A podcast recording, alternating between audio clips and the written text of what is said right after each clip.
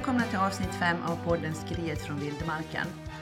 Vi har som avsikt att ge ett landsbygdsperspektiv på aktuella och ibland inaktuella nyheter. Den innehåller också veckans trams. Idag är det jag som heter Agneta Ljungberg som ska inleda och med mig någonstans i Sverige, förmodligen i Leksand, har jag Emil Nilsén som kanske är i semesterstämning. Hej Emil, är du det? Ja, ja, vi håller på att packa och planera för vi ska åka till Åland förstår du med hela familjen. Ja, och jag hade glömt att på torsdag så ska vi åka till Norge. Det var så länge sedan vi var på semester så jag har glömt hur det var. Så vi är också i semesterstämning. Men jag ska alltså prata om det faktiskt är så att folk i storstan är smartare än lantisar. Mm. För när en gång 1998 när den då moderata riksdagskandidaten Anna Kinberg blev intervjuad i Rapport så sa hon att stockholmare är smartare än lantisar. Moderata ungdomsförbundet de sponsrade henne med 360 000 kronor i kampanjen och de blev nerringda av rasande människor. Det kom när hon fick frågan i TV om hon var värd 360 000 kronor. Det får stockholmarna avgöra, sa hon då. Hon var 28 tror jag då. Det får stockholmarna avgöra. Och för att de ska göra det så måste de ju veta vem jag är och det kostar pengar. Men jag litar på stockholmarna. Alla får rösta. Alla som får rösta är myndiga och stockholmare är smartare än lantisar tycker jag, sa hon då. Så följde de upp det i TT med en intervju och påstående och förklarade hon varför hon tycker så. Då sa hon att internationella företag de använder Stockholm som en testmarknad för mode och trender och sådana grejer. Det bor fler högutbildade, det finns 50 högskolor och här ligger huvudkontoren, sa hon. Det där har hon backat på sen och säger att det där var hennes dummaste uttalande någon gång. Och så kan det väl ha varit, men på sätt och vis har hon rätt. Va? Ja, för det handlar mycket om akademisk utbildning och att den blir premierad nu för tiden. Alltså man ska läsa sig till kunskap. De standardiserade begåvningstest som finns också, de är kulturbundna till viss del. Och då menar jag inte de här man ser i veckotidningarna eller på internet eller... Ja, för du, du jobbar ju med riktiga Ja, precis. IT-tester Ja. fel, fel ord. Alltså du har gjort det på mig till och med. Det kan vi återkomma Ja, till. alltså sådana här begåvningstest som är standardiserade och uppmätta på en stor eh, del, alltså en sto- ett stort urval av befolkningen i olika grupper. Men Mm. de är ju som sagt kulturbundna, för i ett numera utgånget test till exempel så var det en bild på en dialogtelefon med petskiva och så skulle ungen beskriva vad det var man såg. Och det säger ju sig självt att man måste ha sett det och helst använt en sån för att veta vad bilden föreställer. För jag vet att då någon gång där i ja, början på 90-talet tror jag det var, så höll jag på att testa en massa barn som kom ifrån Kosovo. De hade väl aldrig sett Ja. en sån där telefon. De fick ju inte ett poäng på den frågan. Med flera sådana kulturbundna frågor. Och därför blir de missvisande om man inte tar höjd för det. Och när man gör ett sådant test också faktiskt så är det så att det viktigaste kraven nu som ställs för om man är normalbegåvad eller om man är under normalbegåvningen det är att man har en adaptiv förmåga, en förmåga att klara sig själv i vardagen. Och det ska jag säga det, att spela in, många av de här som har rätt så höga testresultat skulle falla ut på adaptiv förmåga för de kan förbaske mig inte knyta skor eller torka sig i rumpan själva en gång.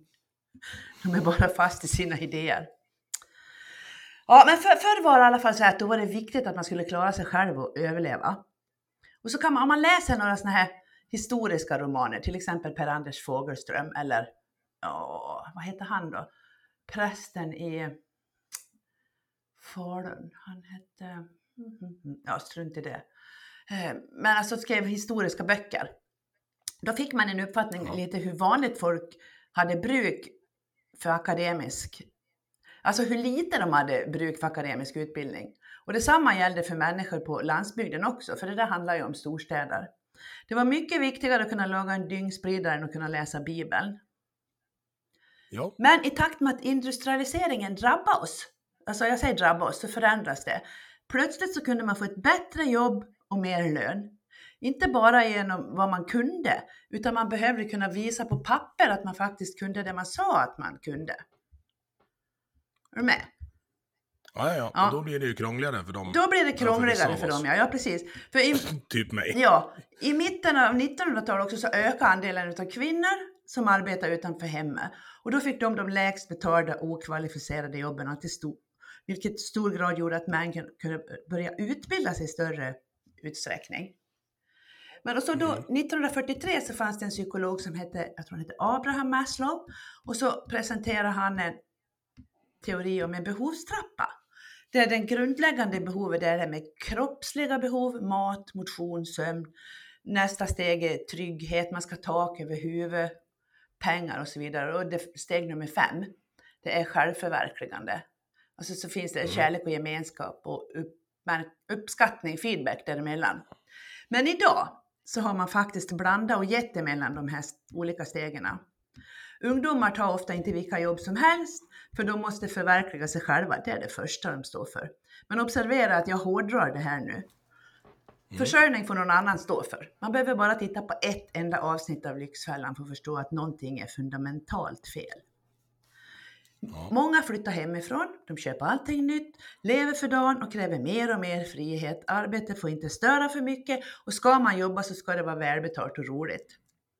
När vi flyttade hemifrån, nu är jag gammal, men då fick de flesta av oss gå runt hos äldre släktingar och be om saker. Du vet, den där byrån du har i ladan farmor, kan jag få ta den? Eller du vet, de där udda tallrikarna, kan vi ta dem? Det händer inte idag. Däremot så kan man gå runt och skryta och visa hur miljömedveten man är genom att handla dyrt på second hand, för det ger miljöpoäng. Men tillbaks mm. till formell utbildning då. Vem drabbas av de kraven? Jo, som du sa i förra podden, arga unga män som blir kvar på landet, det vill säga sådana som du. Hantverksyrken försvann i stort sett helt. Praktik och lärlingsplatser togs bort från skolans läroplan och kraven förändras. Och i grundskolan så betraktas ofta ämnena svenska, engelska och matematik som kärnämnen, alltså viktiga, även om de aldrig formellt har betraktats som det i någon svensk läroplan eller nationell kursplan. Men innan gymnasiereformen som kom 2011 så var det framförallt de här tre ämnena som var behörighetsgivande till gymnasiet. Man måste ha vara godkänd i alla tre ämnen för att komma in på gymnasiet, annars kan man läsa upp dem på ett introduktionsprogram i sin kommun. Efter det, 2011, så krävs det istället godkänt i minst åtta av grundskolans ämnen för gymnasiet och godkänt på, i 12 ämnen för att komma in på ett högskoleförberedande program. Men man måste fortfarande vara godkänd i engelska, matematik och svenska. Men undantag kan göras om det finns särskilda skäl. Och hela det här svenska skolsystemet med början eh, på 90-talet är ett hån emot landsbygdens befolkning. Inte för att vi är dummare än storstadsbor, tvärtom säger jag, utan för att den kunskap vi har, den nedvärderas och anses varken viktig eller riktig. Min gubbe till exempel, han är garanterat en av de smartaste människor jag vet. Han fattar saker snabbt, han får ofta förklara saker för mig. Jag som har flera hundra gamla högskolepoäng och är alltså inte helt obildbar. Han har gått åtta år i grundskolan och en del av en bilmekanikerutbildning, men så tröttnade han på det för det var så tråkigt.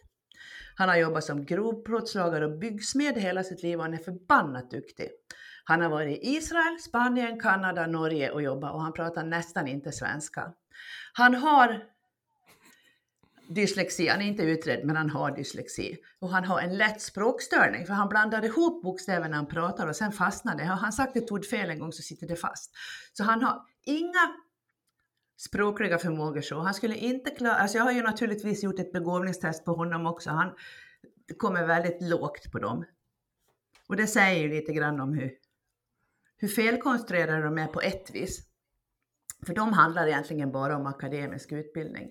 Men när han var i Norge, då jobbade han i oljerelaterad industri i Stavanger. Och där var problemet för de flesta små och medelstora företag då på slutet på 90-talet någon gång, att det krävdes papper på att man kunde sin sak. Det räckte inte med att man var en duktig smed. För det var någon på kontoret som för det mesta var i USA som skulle kunna läsa det också. Och det innebar att det startades en märkliga, massa märkliga utbildningar för folk som redan kunde det de gjorde.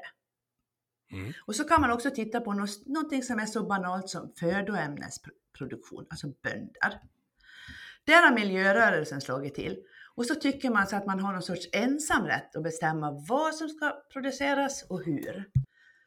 Som om bönder genom årtusenden bara försökt att förstöra miljön. Ja, det är, Ja, precis. Det är De är pest. inte intresserade av att den ska funka. nej, det är pest det de håller på med och det är ett kunskapsförakt. Och formella utbildningar, det innebär också att det dyker, på, dyker upp sådana här hittepåjobb. Typ landskapsstrateg. Man har alltså en? Man har en, ja, det vet jag inte. Man har en akademisk utbildning som man inte kan göra någonting utav. Ja, men du kan bli landskapsstrateg. Och den vi har i Hedemora, han sa i en tidningsintervju att man kan inte slå gräset på en cirka 1000 kvadratmeter stor plan nere vid badet som kommunen vid ett av de inkluderande mötena har lovat. För den ytan behövs för blommor och pollinerare. Och dessutom så kan husbilar fastna där om det regnar. Och det kvalificerar nästan för veckans trams, alltså det är så jävla dumt. Ja, Men det är något sånt han håller på med. Så går han runt och tittar på kor som betar. Och de håller öppet landskap. Det är vad en landskapsstrateg gör som jag har läst i tidningen. Alltså det är ett hittepåjobb. Ja, hur löser man det här nu då?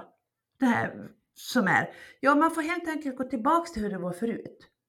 Med praktiska utbildningar, utan krav på att man ska kunna till exempel engelska på gymnasienivå för att kunna svetsa.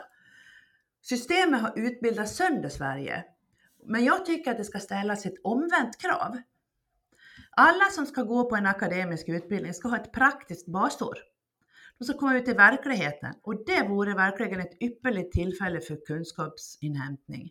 Där kan de här miljönissarna och veganerna, de kan odla sin egen mat, sina, odla egna kläder utan varken dynga eller konstgödsel. De kan inte ha hästar i arbete, de kan inte ha dieseltraktorer och de kan dra sin veganska plog själva.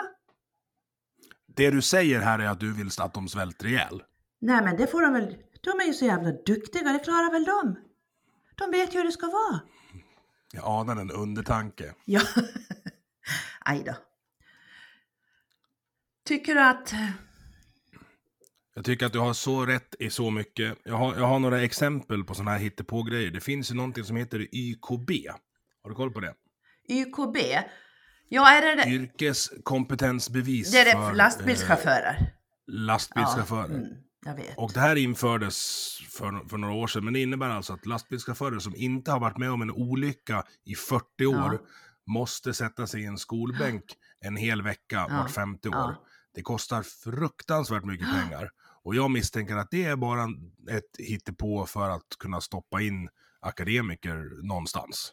Ja, Sen håller man på att akademisera hantverks, hantverksyrken. Du var inne på det. Eh, och det är fullkomligt vansinnigt. Man, man, säg ingripande polis. Det är ett hantverk. ja, Du ska kunna hantera stöka människor och om de inte kan hanteras på annat sätt så ska du knöla ihop dem bak i polisbilen och skjutsa dem någonstans. ja. Det är hantverk. Jag har en kompis som eh, vars största fritidsintresse är hundar.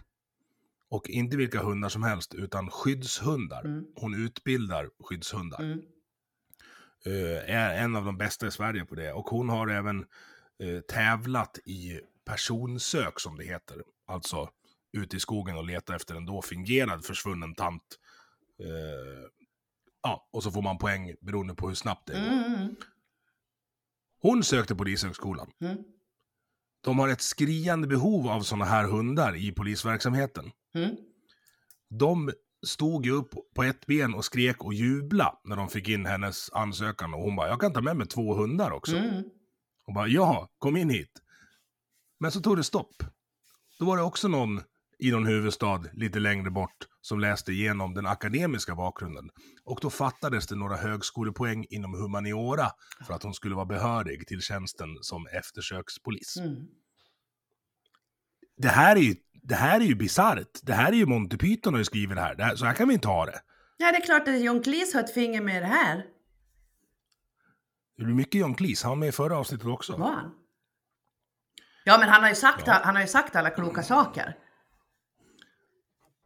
Inte alla kloka Nej, saker, men- han har sagt ganska, ganska mycket. Ja. Åter till det här IQ-testet. Ja. Hur skulle man konstruera ett IQ-test som fungerar, som mäter, vad ska jag säga, eh, adaptability och överlevnadsförmåga, vilket ju var det du tyckte att vi på landet har mer av. Ja, jag vet faktiskt inte hur det går till, men de som, som är skapta nu, det är ju indelat i barn, ungdom och vuxen. Och när man gör ett IQ-test för barn och ungdomar så handlar det ju väldigt mycket om man klarar av att gå i skolan eller inte. Och det har ju Jan Mm. Björklund har saboterat den svenska skolan. För han har tagit bort möjligheten.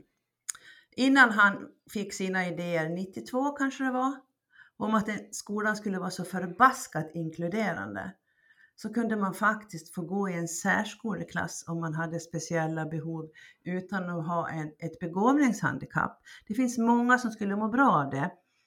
Det fanns Mm. det som hette eh, samverkansklasser till exempel. De som, Obsklasser. ja, men de som, nej, men in, in, inte riktigt det, för det, dit blev man ju placerad när man var stökig. Men det fanns något som hette samverkansklasser. Och det var de som var de som hade bäst resultat i särskolan och de som hade svårast i den vanliga skolan. För de som har det svårast i den vanliga skolan, de mår väldigt, väldigt bra utav särskolans pedagogik. För den är tydlig, alltså den är ju lite Jordan B. Jordan B. Peterson. Den är väldigt tydlig, strukturerad, organiserad. Man behöver inte ta så mycket ansvar själv. Som man nu skickar på barn i skolan, som de inte är mogna för och som de inte klarar av. Katederundervisning var faktiskt på sitt sätt bättre. För att där blev man imatad, man behövde inte fundera så mycket på saker och ting eh, innan man var mogen för det. Utan det. Jag vet att du har någon idé om det här med att skolan ska vara stegvis indelad och det tycker jag är bra. Man ska ha, nå vissa krav innan man går vidare. Ja, jag tycker att man ska genomföra motsvarande, alltså det blir ju någon form av examen mellan de olika stadierna, men alltså bara för att det ska vara rättvist för att man ska kunna tillgodogöra sig klasskompisarnas Mm. Man ska liksom, man ska, ja men som i brottning eller kampsport. Mm. Det finns en anledning till att det är viktklasser där. Mm. Man ska ha någon som är jämnbördig att testa sig mot. Ja, För blir, blir det för stort glapp där, då, då blir det inte bra för någon. nej då Då sänker de bromsar vi kraven de som bara. har lätt för Mm. Ja men då bromsar vi de som har lätt för sig och vi, vi lär de som har svårt för sig att de inte kan någonting. Nej, de misslyckas alltid. Ja. Men tillbaks Vet, till... jag, jobbade i en, jag jobbade i en skola en gång där de hade en 4, 5, 6 Ja, Då är det nioåriga killar och 13-åriga tjejer i Ja, samma klassrum. ja. De bor ju för fan inte ens på samma planet. nej. Nej. En kan knappt läsa och den, och den andra har precis fått mens. Ja. Hur ska du som lärare kunna adressera dem på ett jämnbördigt sätt? Det är en omöjlig uppgift. Det, det sabbar för lärarna, det sabbar för 13-åringen och det sabbar för 9-åringen. Ja. Det är katastrof. Ja, det är det. När, det. när det är hela tiden, det är klart man kan ha sådana grupper i, i korta perioder, men man ska inte, det ska inte vara förutsättningarna för att ha en fungerande vardag, utan det kan möjligen att man kan ha någon ja, musiklektion eller någonting gemensamt möjligen. Alltså, men, ja, du vet vad jag menar, utan att nedvärdera musik, men det är ju, det är ju någonting helt Nej, men de annat. får, och de får ju umgås på rasterna Ja. på, på skolorna. För det här är ju små skolor, så Ja. alla, alla leker med alla, Ja. så de får ju det sociala där. Men just den rena kunskapsinlärningen är, alltså diff, det diffar på flera hundra procent i förmåga att, att plocka åt sig det som lärs ut. Ja. Ja, men tillbaks till frågan om hur man konstruerar ett begåvningstest. Och jag tror att det är väldigt svårt. Så, för det är ju som sagt det är ju akademisk begåvning som premieras. Eh, man mäter ju vad man har lärt sig. Man mäter snabb, hur snabb man är utföra vissa saker, hur noggrann man är, eh, vilken uppfattningsförmåga man har att se helheter och delar. Och det är ju, och det är ju viktiga saker både för, för vardagen. Alltså, du kan ju inte köra bil om du inte klarar av att se hel, en helhet till exempel i trafiken, utan du bara ser en bil och en bil till och en bil till. Du ser inte att det är en Mm. kö. Eh, Så det är svårt att göra det på något vis, men det som behövs det är ju erfara, erfarna människor som utför de här testerna. Och att man som sagt, nu, väger, nu för tiden så väger man ju in det här med den adaptiva förmågan och klara sin vardag själv. Man ska kunna göra sin egen mat, man ska kunna eh, betala räkningar själv, man ska kunna göra sina bankärenden, man ska dit, man ska dit. Alltså man, ska, man ska kunna få en fungerande vardag. Ibland med stöd, men man ska klara av det om man måste. För jag har ju så skrämmande exempel på folk som teoretiskt presterar riktigt bra. Man kan lära sig både det ena och det andra och rabbla upp och så faller man ut på något sånt här snabbhetstest där man ska kopiera figurer på tid. där motoriken inte hänger med, men man kommer ändå långt över genomsnittet. Och så kan man inte ens öppna kylskåp och ta mat, för man har inte den förmågan. Man är så Mm. gravt autistisk och, och har så stora svårigheter så man har gångar hemma där man går. Och råkar någon av föräldrarna gå fel så får man gå tillbaks, börja om dagen, alla går och lägger sig i sin säng och så får man börja om igen. Och det är helt otroligt hur styrd man blir utav sådana här saker. Och ändå så räknas man som normalbegåvad. Det är ju det här att om man står med ena foten i en ishink och den andra kokande vatten så Ja. mår man i genomsnitt ganska bra. Ja, så är det. Och det där är ju väldigt svårt att bedöma för alla människor har rätt till ett liv. Mm. Men det ska inte gå ut över alla andra runt omkring och man ska inte förändra förutsättningarna för omvärlden. För klarar man inte av att anpassa sig, alltså det är också en sorts adaptiv förmåga, klarar man inte av att anpassa sig till den miljö man är i, då får man lösa det på något vis. Och Mm. vi har hamnat någonstans där, ja, jag har också utrett en ungdom som var så, så svag, hade så svag teoretisk begåvning så att det var inte ens mätbart därför att det saknas ett språk. Eh, en förälder var med hela tiden och ungdomen, ungdom säger jag var 21 eller 22, bodde hemma hos föräldrarna och var en, inte ens utredd i skolan därför att utvecklingsstörningen var så grav så man ansåg inte att det behövdes. Men nu rent formellt så kräver kommunen att det ska ske för att man ska få all den hjälp man har rätt till. Och då har föräldrarna har vant sig vid det här på något vis så att de har som krav att ja men ett eget boende och en lägenhet för att det här ska inte vara någon gruppboende där man ska bo i bara ett rum. Och ja, lycka till! Mm. Det går inte. Nej men det är också en sån där man, eh, som inte ens kan klä på sig själv. Vad, vad har man för nöje av att bo i, ett egen, i en egen lägenhet? Tänker jag. Det, för att det ska Nej, kännas nej, det är svårt, det är svårt med, med eh, nu, nu chansar jag lite här men om man får ett, det kanske inte var världens smartaste föräldrar heller då, låter det som. Nej, alltså. Det är så här att man blir ju så påverkad utav det här hela tiden och försöka att få det att fungera. Så man ser inte hur stora svårigheterna är. Man fastnar i, i det som man faktiskt fungerar och man tycker att det ska vara likadant för alla och man har rätt till det och man har rätt till det. Ja, man, för det är samma sak som jag sa den där gången när jag lyssnade på Malena Ernmans bok om Greta. Man blir gisslan som förälder, för man vill sitt barn så väl, så man blir så styrd utav de här utbrotten och det som händer, så man gör allting för att det ska bli lugnt. Så man, på något vis så tappar man verklighetskontakten, hur det fungerar, och man tar aldrig de här man kanske tar ett steg tillbaks och säger att jo men det här fungerar nog. Men man skulle kanske behöva ta två, tre steg tillbaks och titta och tänka, men hur blir det här? Och då ser man att nej, det här fungerar ju inte. Men det gör man inte för man är så mitt i det här så man kommer inte därifrån. Men där ligger inte ditt problem. För jag har ju testat dig som sagt och du har ju inte de problemen och du har en adaptiv förmåga. Ja, alltså jag, när jag föreläser och coachar om, om turbohjärnor Mm. så pratar jag mycket om att man ska identifiera sina problem för då kan man hantera sina problem Mm. och då slutar ha Mm. begränsningar. Mm. Det gör ju att jag har ju ingenting med posten här att göra till exempel, för Nej. jag är allergisk mot Mm. fönsterkuvert. Mm. Utan det kommer ett sms från Therese att eh, ja, den här månadsavgiften blev det här om du ska vara medlem här. Och det Mm. vill jag ju. Eh, och sen tar jag hand om det andra. Mm. Så hon, hon eh, lagar ju inte robotgräsklipparen när den är trasig. Nej.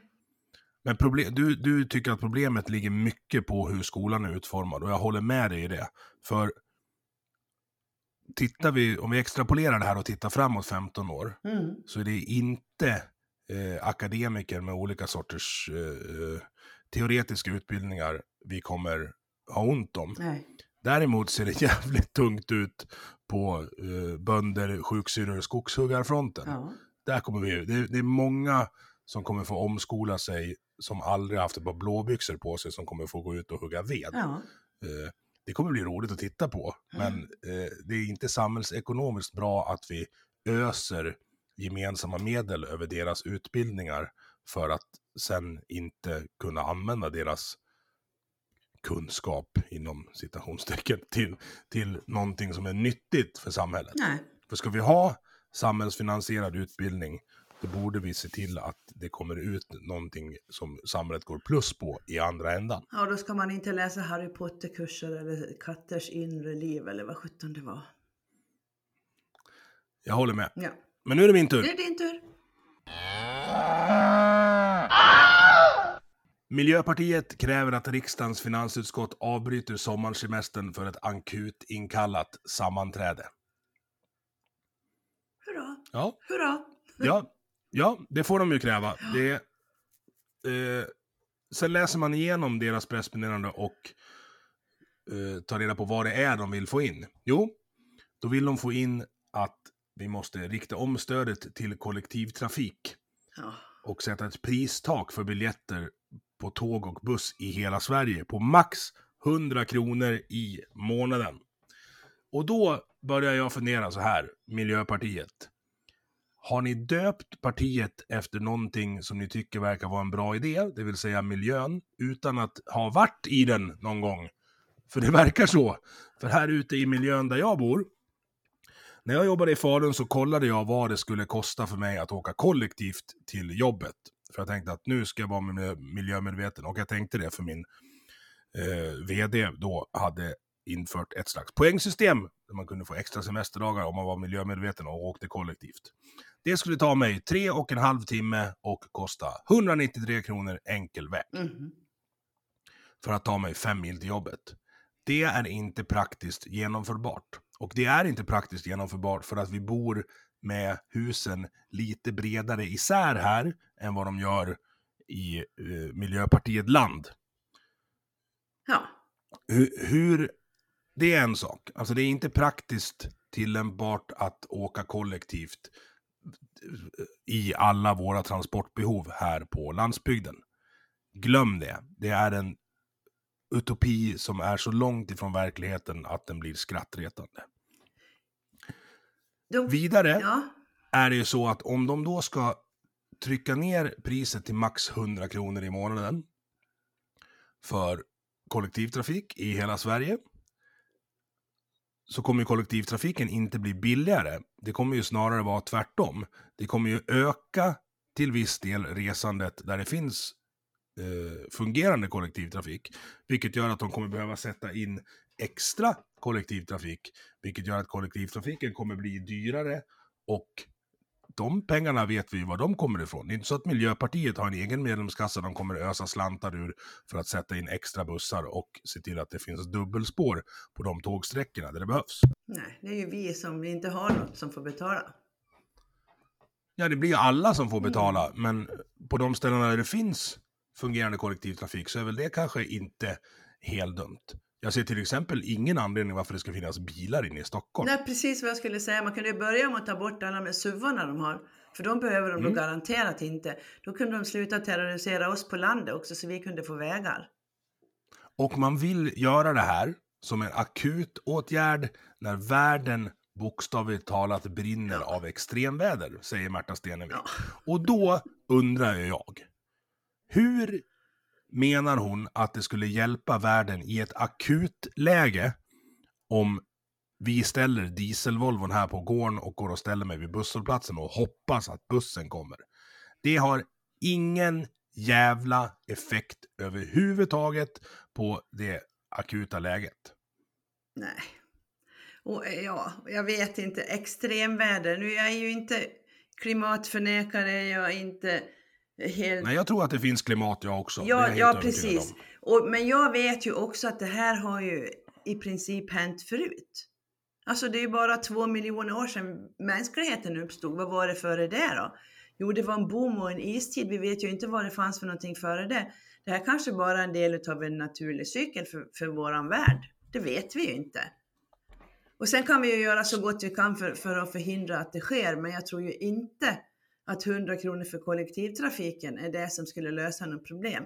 För jag menar, jag fick, när jag var till tandläkaren i Falun, specialisttandvården, då fick jag åka gratis buss.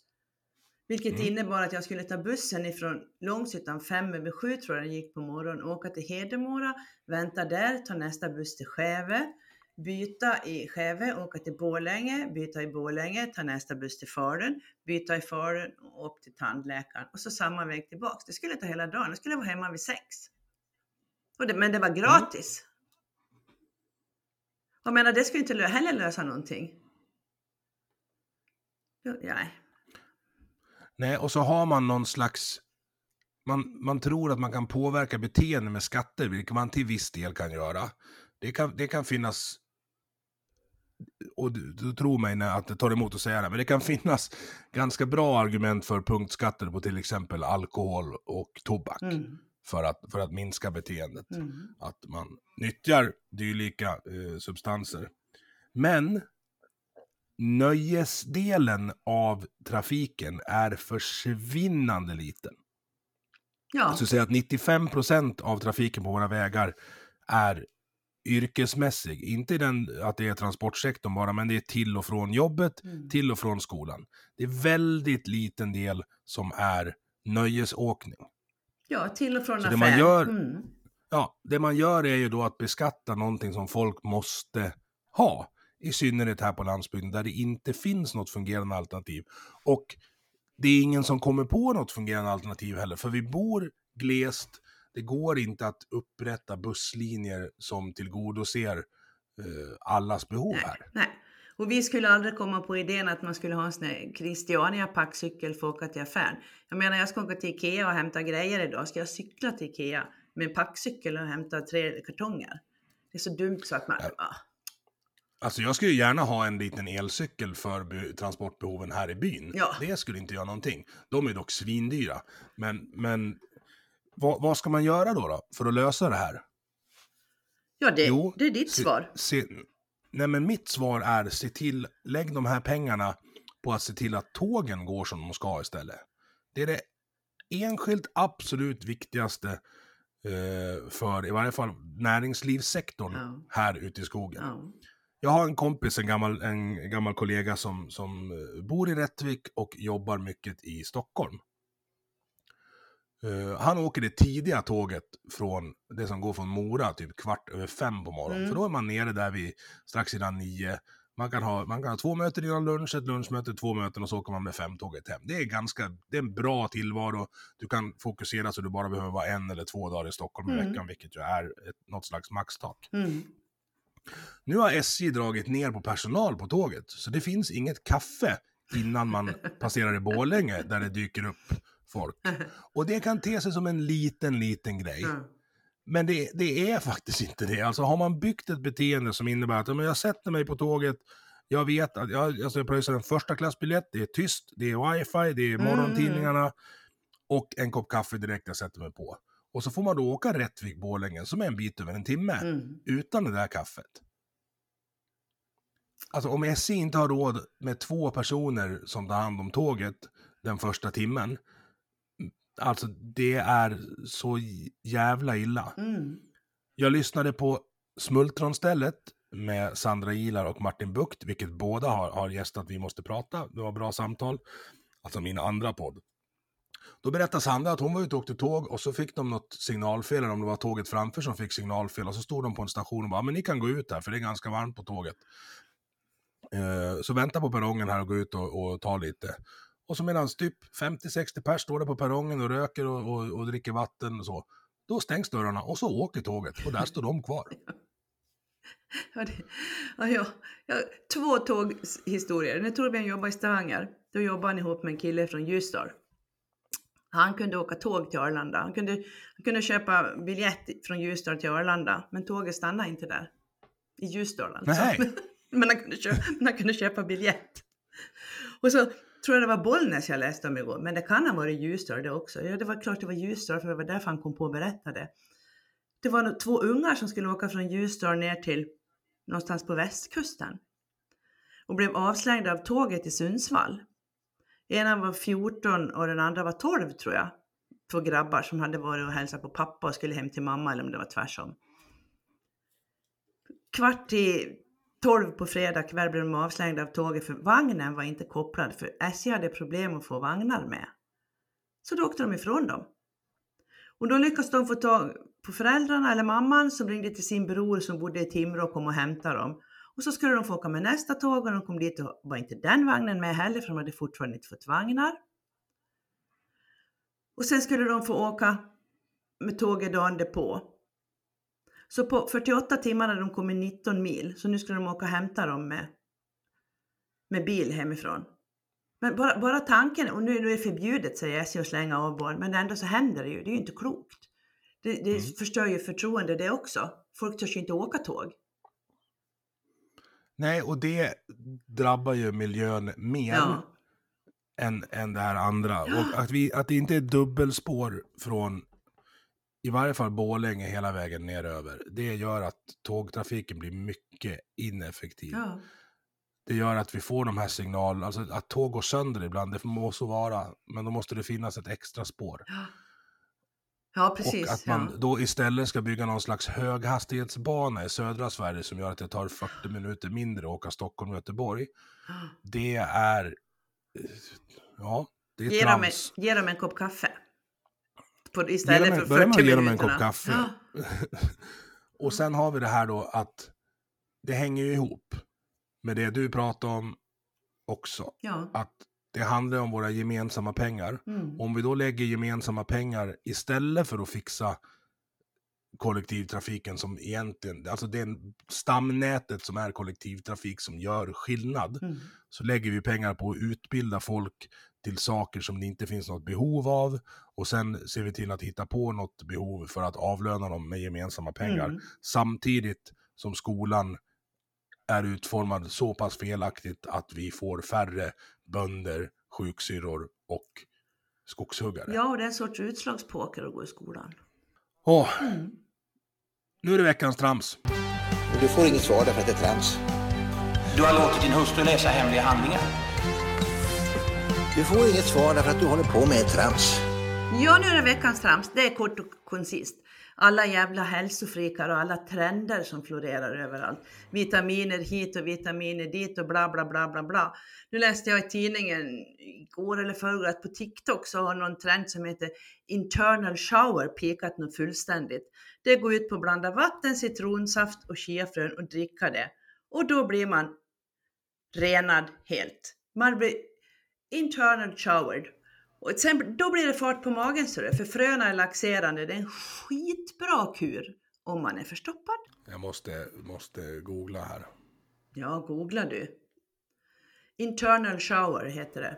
Men vad, vad menar de att de ska göra? Ja, men man ska bli frisk och man ska, man ska detoxa sitt inre. Sånt jävla trams, det sköter väl kroppen om själv. Man ska bajsa mer, är det det du säger? Ja, men det, nej, det är det som är effekten. Man bajsar mer. Men de tror att man har någon sorts detox. Alltså, kroppen blir avgiftad. För allt gift rensar man ur med det här. Ugh. Gift är ju i nio fall av tio en fråga om dosering, inte vad det är. Det, ja, jag Ja. håller med med dig. Men det här är alltså- trams. Ja, det är trams. Det var det. Då tackar vi för den här gången Agneta, avsnitt 5, där Agneta Ja. konstaterar att vi ska införa ett praktiskt basår och Emil är arg på Miljöpartiet. Tack och hej. Tack och hej.